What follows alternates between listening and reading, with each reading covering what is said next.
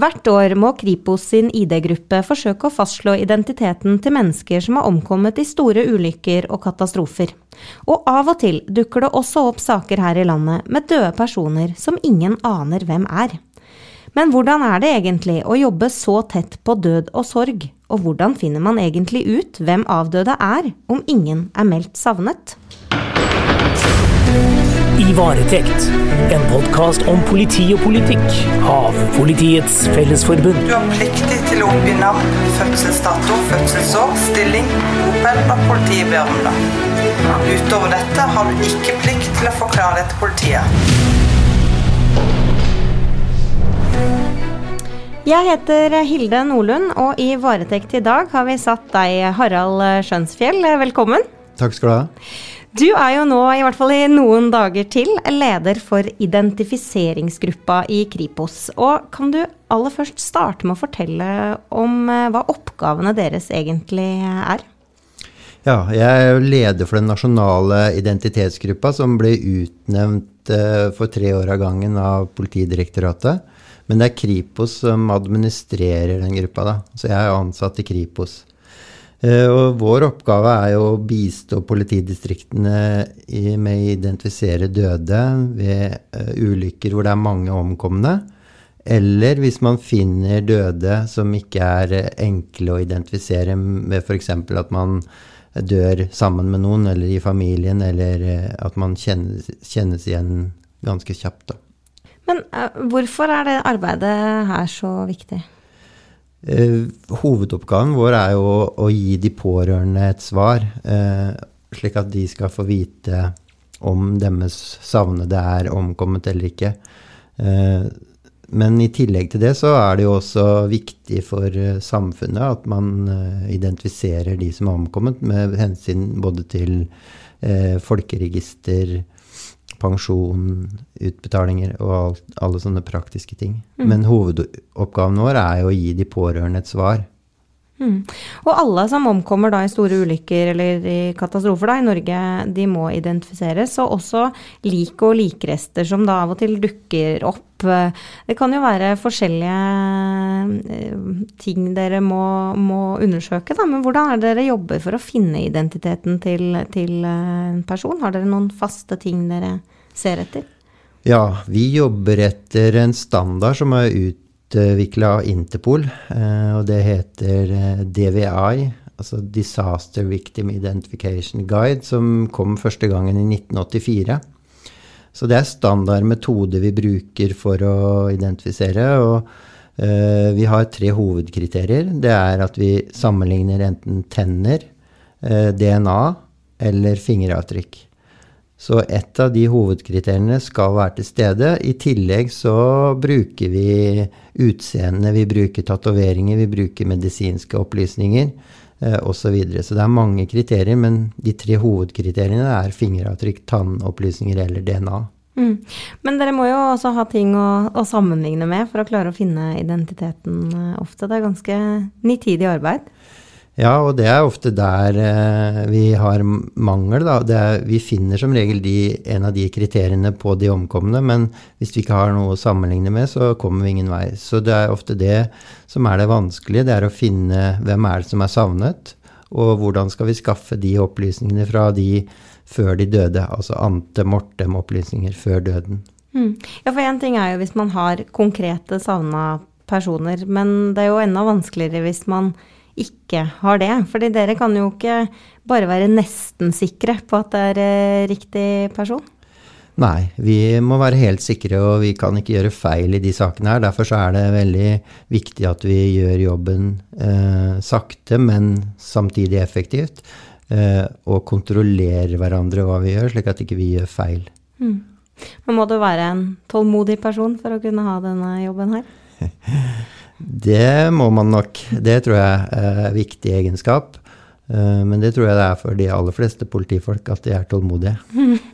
Du har jo jobba med dette her siden 2004. Eh, Hva var det som gjorde at du endte opp med å jobbe med akkurat eh, identifisering?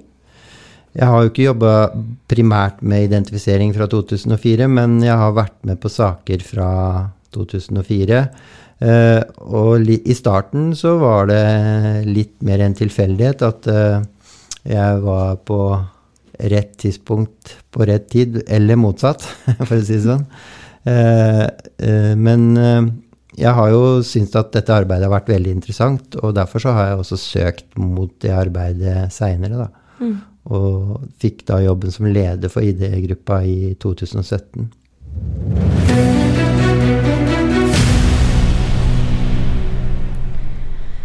Men denne ID-gruppa den bistår jo da over hele landet, ofte også i, i utlandet. Men, men, når er det dere blir kobla på, og hva er det distriktene da kan gjøre selv? Det er jo en instruks for ID-gruppa, og er, eh, den er ganske langt tilbake i tid, fra 1975, eh, når ID-gruppa ble formelt oppnevnt av, ved en kongelig resolusjon. Eh, så det er Riksadvokaten som bestemmer når vi skal bistå. Eh, og politimesteren er jo den som tar den endelige beslutningen og ber om bistand. Eh, men i instruksen så står det at ved eh, ulykker med mange omkomne, så skal man be ID-gruppa om bistand. Og så kan man be om bistand i andre tilfeller. Uh, og også når det er enkeltsaker hvor det er uh, omkomne som blir funnet som da ikke Man trenger ekspertise for å kunne identifisere dem. Mm. Ja, nå sist uh, så var du jo med og jobbet på, på identifiseringen av de omkomne under den tragiske hendelsen på Gjerdrum. Kan du si litt om det arbeidet som dere gjorde der? Ja, øh, det er jo en, øh, en, stor katastrofe, og vi ble jo bedt om bistand ganske tidlig. Uh, I starten så var det jo Vi hadde jo ikke oversikt om det var noen omkomne, eller hvor mange det var. Så i starten så gikk det mer ut på at vi planla en eventuell operasjon og bistå politidistriktet med råd og veiledning, slik at de kunne komme raskt i gang hvis man fant noen omkomne. Mm. Uh, og når de blir, omkomne blir funnet, så har vi jo prosedyrer for hvordan vi gjør dette her. Og, og i denne saken så Det er alltid en vanskelig sak med store ulykker, men heldigvis var det ikke mer enn ti omkomne. Uh, og da er sjølve ID-arbeidet uh, ikke den største eller mest kompliserte saken jeg har vært med på. Mm. Men det er jo viktig å få en tidlig oversikt over hvem som er savna, Eh, og da er det også viktig å begynne å innhente informasjon om de som er savna på et tidlig tidspunkt. Eh, og det kan jo være eh, det mest vanskelige en sånn sak, fordi da må man kontakte de pårørende, man må snakke med de og få informasjon fra, fra folk som er i, i, i, krise og i dyp sorg, da. Mm. Og eh, det tok jo eh, gjerne litt tid før man fikk svar på hvem som var funnet uh, til tross for at man visste, visste hvem som var savna her uh, på Edrum også, uh, tok gjerne et døgn eller to før man fikk bekreftet da hvem som var funnet omkommet. Hvorfor tok det allikevel såpass lang tid? Jo, i denne saken så var det jo det, det, mest kompliserte var jo faktisk å finne de som var omkommet. Det var jo en redningsaksjon som pågikk over lang tid. Mm. Eh, og vi hadde jo Vanligvis så kan vi også bistå på et åsted, men i en, dette åstedet her var det jo ikke mulig for politiet å gjøre aleine. Her var man helt avhengig av andre etater med kunnskap om redning. Eh, men når de først fant de omkomne, så eh, tok de lokale kriminalteknikerne vare på kroppen eller den omkomne i startfasen, og, og merka og gjorde den klar, og sendte den inn til Oslo for obduksjon. Mm. Og da tok vi over, da. Ja. Eh, dette ble jo også den siste store saken som du eh, skal jobbe med da, før du går av med pensjon. Hva tenker du om det?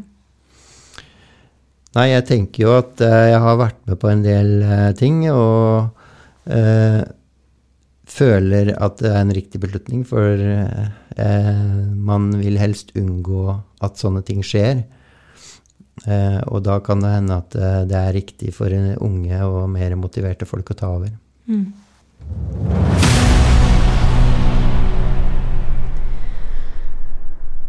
Du har jo jobba med veldig mange ulike saker eh, i de åra som du har jobba for ID-gruppa. Eh, er det noen spesielle saker som har gjort mer inntrykk enn andre?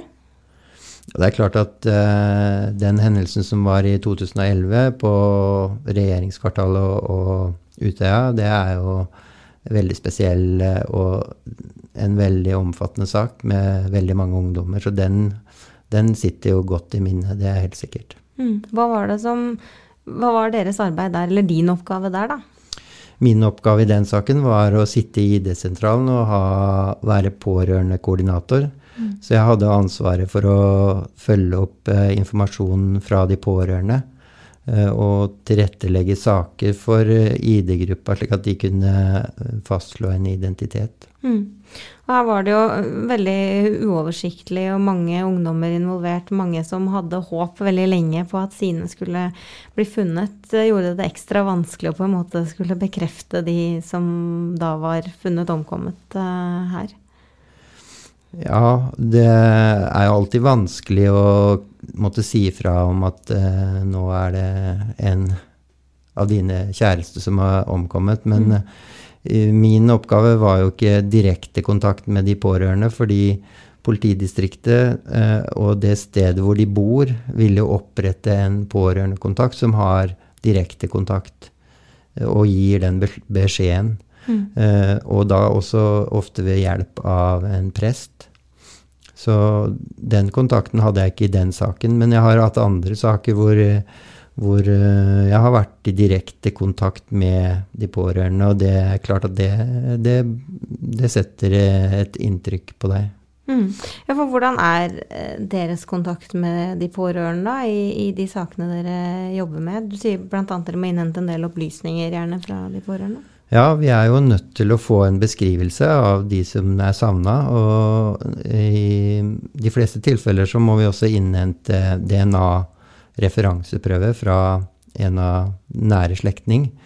Eh, slik at man må tett innpå de pårørende. Mm. Men hvordan eh, er det da å hele tiden måtte forholde seg til eh, mennesker i sorg? Fordi dere jobber jo stort sett da med saker som har et tragisk og trist utfall. Ja, det er helt klart at det, det er tragiske saker vi jobber med. Men vi, vi, gjør en viktig jobb for de pårørende, det ser vi også. Og, og vår kontakt med de pårørende er, er, kanskje en lettelse for dem, fordi at de får et svar. Mm. Og de får svar på spørsmålene sine. Vi er ikke noen som skal bearbeide deres sorg. De er i en sorgfase, men de er også ute etter opplysninger og svar på hva som har skjedd. Så de er veldig Det er veldig på en måte viktig og, og, godt også å kunne prate med dem og kunne gi dem opplysninger som de er interessert i å få. Mm. Og da merker man at eh, det, de kanskje letter, og at det starter den sorgeprosessen som de, de må gjennom. Da. Mm. Er det det som motiverer deg, og har motivert deg til å stå i den jobben så lenge òg? Ja, det er helt klart at det er jo en jobb eh, som du føler at du gjør noe viktig for, eh, for noen andre. Men det er også fordi det er en spennende jobb det er morsomt å kunne finne ut av uh, ting. Mm. Du var jo også bl.a. i Thailand etter uh, tsunamien der i 2000 og, jula 2004. hva var oppgaven din på det arbeidet? Ja, når jeg var i Thailand, så hadde jeg oppgave som teamleder for PM-arbeidet, altså post mortem. Uh, vi deler jo ID-arbeidet opp i AM-innhenting og PM-innhenting. Uh, slik at jeg jobba da og var leder for et team som hadde med registrering av alle PM-opplysninger, altså opplysninger fra de døde. Uh, så jeg leda da et team med folk fra flere forskjellige land med den ene spesielle oppgaven, da. Men det var jo en stor operasjon, så det var jo veldig mange fra veldig mange land med på det. Og, så det, det, gir jo også oppgaven en dimensjon, at du jobber i et internasjonalt miljø sammen med veldig mange andre. Du lærer veldig mye av det. Og det er også morsomt å kunne lære bort til andre. Mm. Ja, du sier du lærte mye av det. Du var jo relativt ny i denne rollen da du eh, eh dro til Thailand. Ja, og jeg var jo ikke i den første fasen, men jeg jobba jo med den saken hjemme i Norge helt fra starten av. Mm. Uh, og hadde da ansvaret for uh, å innhente opplysninger om de som var savna i, uh, i, Thailand. Vi brukte et nytt datasystem, og det var en veldig komplisert sak, for det var veldig mange som var savna. Vi hadde jo over 2000 personer savna i starten, eh, og vi fikk, vi fikk disse listene eh, fra Utenriksdepartementet og måtte finne ut av hvem er det som, eh, som reelt er savnet. Eh, og det tok jo flere Det tok jo over en uke før vi hadde en sånn noenlunde oversikt over hvem som reelt var savnet. Mm. Men hvordan, eh, hvordan jobba dere da? Det var eh, ja, Ja, vi fikk jo først en liste med et antall personer, og så måtte vi bearbeide den hele tida. Og vi hadde jo folk på Gardermoen f.eks. som tok imot de som kom hjem med fly, og registrerte hvem som kom, og så sammenligna vi opp mot de listene vi hadde over savna personer. Og på den måten så fikk vi luka ut de som hadde overlevd og kom hjem. Eh, Men vi hadde jo også måtte etter hvert ta kontakt med de pårørende som, som reelt savna eh, noen. Eh, Så det var en ganske omfattende jobb. Og dette ble lagt inn i et datasystem og, og lagd da lister ut fra det. Mm. Men da du eh, dro ned da, til, til Thailand eh, februar 2005 Ja, jeg dro ned i april, mars-april. Mars-april, ja. Og da eh, var jo fortsatt store ødeleggelser i området. Mye som eh, måtte bygges opp igjen, og mange mye, ka, mye kaotisk fortsatt. Hvordan, hvordan var det å komme ned der og, og skulle liksom gjøre en, en jobb for, eh, for Norge da? Det var jo på en måte også veldig spennende å komme ned til et eh, helt annet miljø og jobbe med en sånn internasjonal organisasjon. Nå har jeg vært ute flere ganger også før den tid, så jeg var litt, hadde jo en litt anelse om hva det var. Eh, Men det var, eh, det var en veldig interessant jobb, det, å være der nede. tenker jo at eh, du eh, ser jo kropper i alle mulige forfatninger. Eh, Hvordan er det du bearbeider de, de inntrykkene der? Ja, det kan du si. Det, det som er veldig fint å jobbe i ID-gruppa, er jo at vi har en, et team med veldig flinke folk og dedikerte folk, motiverte folk. Og vi bearbeider veldig mye av det vi- inntrykkene vi har ved å snakke med hverandre. Eh, og det er jo både med å ha morsomme kommentarer, men, men ikke minst at vi setter oss ned og snakker sammen, og, og på den måten bearbeider eh, de inntrykkene vi har. Da. I varetekt.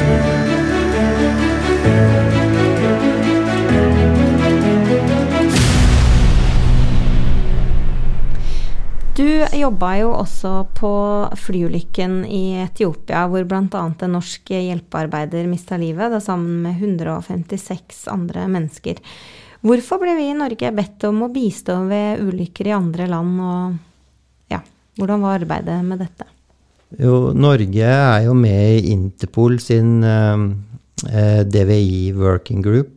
Vi har faktisk også hatt ledelsen de to siste årene, fra 2018 til 2022. Det var Håvard Aalmo. Men eh, Norge har vært med internasjonalt i mange, mange år, og var også med å utarbeide den eh, DVI-guiden. Eh, og når det skjer store hendelser ute i verden, så er det jo det landet hvor hendelsen som skjer, som er ansvarlig for ID-arbeidet. Og de kan da be Interpol om bistand. Interpol har jo i seg sjøl ingen ressurser, men de kan da be de landene som er med i samarbeidet, om å bistå. Og i dette tilfellet så ble Norge da bedt om å bistå fordi vi hadde en av de omkomne. Eh, Og vi har jo også et veldig tett samarbeid i Norden, slik at vi satte da ned en felles norsk-svensk et felles norsk-svensk ID-team, for Sverige hadde også tre omkomne i denne ulykken. Eh, Med spesialfolk som da Interpol ba om eh, den kompetansen de ba om. da. Men du um, jobber jo på veldig mange ulike eh, katastrofer og ulykker. Altså, hva, er det som, hva er det som er vanskeligst å, å jobbe med? Ja, alle ulykkene, eller veldig mange av de ulykkene vi har hatt i Norge, er jo forskjellige, men, men selve ID-arbeidet er jo likt hver gang. Vi gjør, bruker de samme metodene, og vi jobber etter en, en uh, spesiell uh, guide.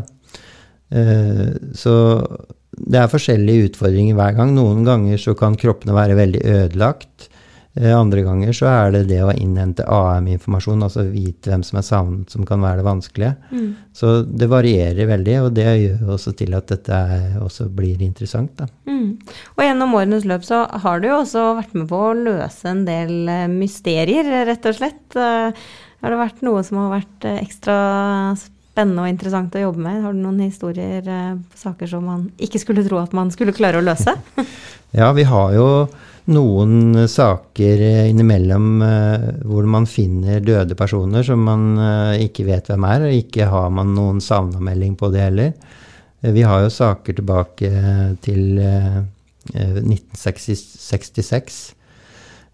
og vi har jo noen som er veldig sånn også vært i media, sånn som Isdalskvinnen uh, osv. Men vi hadde jo en i, i 2019 en veldig spesiell sak. Eh, det ble funnet en hodeskalle i et område i, i eh, Agder politidistrikt. Eh, og eh, først så trodde man dette var en, en, levning fra gamle dager, og det ble sendt til NTNU i Trondheim og, og aldersbestemt til 1500-tallet. Mm. Men så gravde denne personen som, som da hadde funnet funnet denne hodeskallen videre, og fant da rester fra et gevær uh, og noen gummistøvler. Uh, Viking-gummistøvler, og de kunne ikke være fra 1500-tallet, så da ble vi, da ble vi uh, involvert i saken. sammen med da Agder politidistrikt. Og had, i det området så var det en gammel sak fra 1955 som var uløst, mm. som har vært et mysterium i, i veldig mange år. da. Uh, og man trodde kanskje det kunne være uh, stamma fra denne saken. her, Slik at vi fant den gamle saken i Riksarkivet, og der fant vi også røntgenbilder fra 1947. Uh, og vår tannlege kunne da sammenligne de røntgenbildene med de funnene av de tennene vi hadde gjort da i, i denne saken, og kunne fastslå en sikker identitet. Så da fant man ut hvem dette var såpass mange år etterpå? Ja, mm. og dette var en gutt som hadde eh, forsvunnet i 1955, eh, dagen før han skulle møte i en rettssak. Og det var en stor sak der nede, og det har vært mye om den i media. Mm. Eh, og det var faktisk også tre personer som var mistenkt eh, for drap. Men man fant aldri noe lik den gangen, og dermed så ble den saken henlagt. Ja, ikke sant. Men her var det jo en person som var savna. Dere jobber jo også ofte med hvor dere da finner kropper hvor det ikke er noen som passer, eller noen savnet beskrivelser som passer til, til funnet. Da. Hvordan jobber dere da? Har dere noen eksempler på det? Ja, du kan jo si at i Norge så vil jo de fleste bli meldt savna til politiet, og vi har et bra register for det. Vi har et savna-register med over 1500 personer mm. som er borte. Eh, men eh, vi har jo også veldig mange utenlandske som kommer hit til Norge som, som på et eller annet vis dør, og da har man ikke noe savna-melding, kanskje. Eh, det vi bruker, er jo Interpol sitt system, slik at vi sender melding da til forskjellige land for å høre om de har noen som kan passe til den omkomne som vi har funnet. Vi har jo hatt noen saker nå de siste åra hvor det har tatt veldig lang tid før vi har fått svar. Bl.a. en sak som vi brukte over et år før vi fikk et svar. Eh, og da fikk vi også veldig hjelp av media, eh, som kunne da si at eh, dette kunne stamme fra en, en mann som var savna i Ukraina. En russisk statsborger. Og etter hvert så fikk vi da informasjon som gjorde at vi kunne innhente fingeravtrykk fra Russland. Og da viste det seg at det, det, det var denne mannen, så vi kunne gi en sikker identitet. Mm. Men er det noen ganger for sent å kunne identifisere noen, da, hvis, hvis vedkommende har, har, ligget i veldig lang tid, eh, f.eks.? Eh, på et eller annet tidspunkt så kan det sikkert være for sent, men vi har jo mange saker nå hvor vi ser at teknologien har blitt så bra at eh, eh vi klarer å identifisere folk som har ligget lenge. Vi hadde en sak i sommer i Trøndelag hvor, hvor personen har ligget i vann i 39 år. Mm. Uh, og man klarte da å få en DNA-profil som gjorde at vi kunne sammenligne med hans pårørende og få en sikker identitet. Vi hadde hvordan, hvordan, klarte dere det, da? Hvordan fikk dere DNA på, i den saken? Jo, det er jo eh, rettsmedisinerne som tar ut da en prøve og sender den til analyse ved Oslo universitetssykehus, hvor de har et eh, veldig bra og profesjonelt DNA-team som da klarte å få ut en profil. Og i den saken så hadde man da en savnamelding og DNA-referanseprøve fra de pårørende. Da kan man gjøre en sammenligning, slik at man er ganske sikker på at det er riktig person.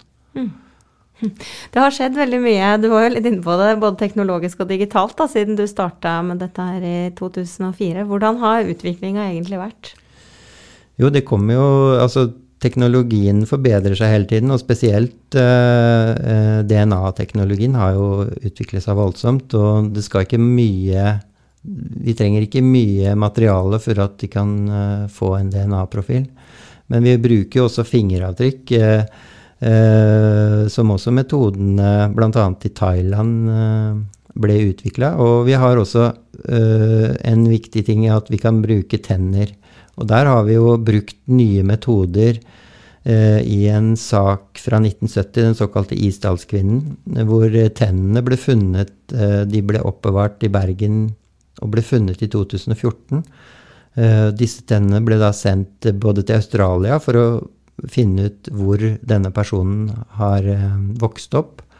Og vi har også sendt de til Sverige, som driver et forskningsprosjekt på aldersbestemmelse av tenner ved hjelp av C14 eller karbon-14-innholdet i atmosfæren. Så dette er nye teknikker som, som kan være til hjelp for oss i, i det arbeidet. Mm. Men er det eh, sånn at det er mange saker i Norge som dere ikke klarer å identifisere personene som ble funnet i, da? Ja, det er noen få saker, men det er ikke så veldig mange. Og i hvert fall ikke i den nyere tid så er det ikke mange saker. Mm. Eh, så vi har Per i dag så har vi ca. 30 saker som eh, ikke er eh, oppklart. Men det går da helt tilbake til 1966, den eldste saken. Eh, og de fleste er jo fra 60, eller 70, 80, 90-tallet. Mm. Det er ingen store mysterier som du gjerne skulle ha klart å løse før du går av med pensjon? jo, det er det. Men uh, Og spesielt det hadde vært morsomt hvis man hadde klart å løst Isdalskvinnen, som er fra 1970. Men eh, det er vel ikke noe håp om at jeg skal klare det før jeg går av med pensjon. men det kan jo hende at mine etterfølgere klarer det. Mm. Kommer du til å følge med? Ja, ja det kommer jeg helt sikkert til å gjøre. Nå er det jo sånn at eh, i Norge så, så, har vi veldig mange sånne identifiseringssaker sammenligna med nabolandene våre. Hva, hva, er årsaken til, til, det? Ja, vi har hatt veldig mange større identifiseringssaker i Norge. Fordi eh, vi har jo hatt en god del flere ulykker enn jeg sammenligna oss med de andre nordiske landene, så, så har vi mange flere oppdrag enn en de landene.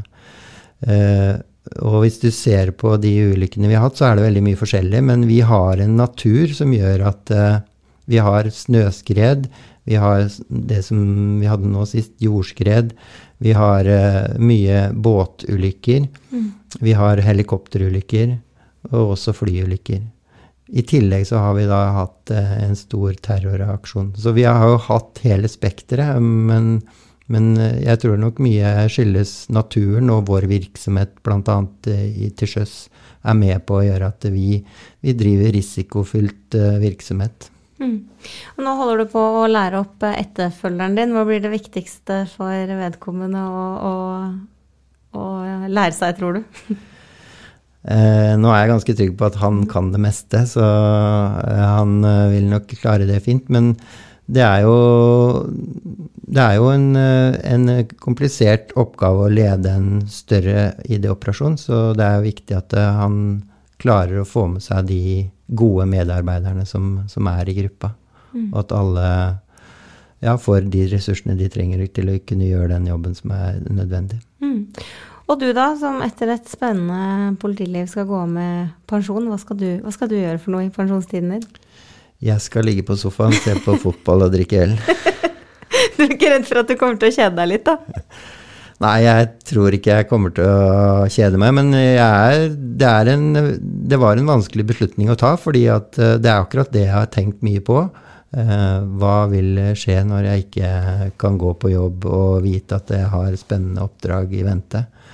Men jeg merka jo på nå den siste helga julehelga hvor jeg måtte reise ned fra fjellet og, og gå på en uh, tung oppgave at uh, jeg tror det blir behagelig å kunne bare følge med i mediene neste gang.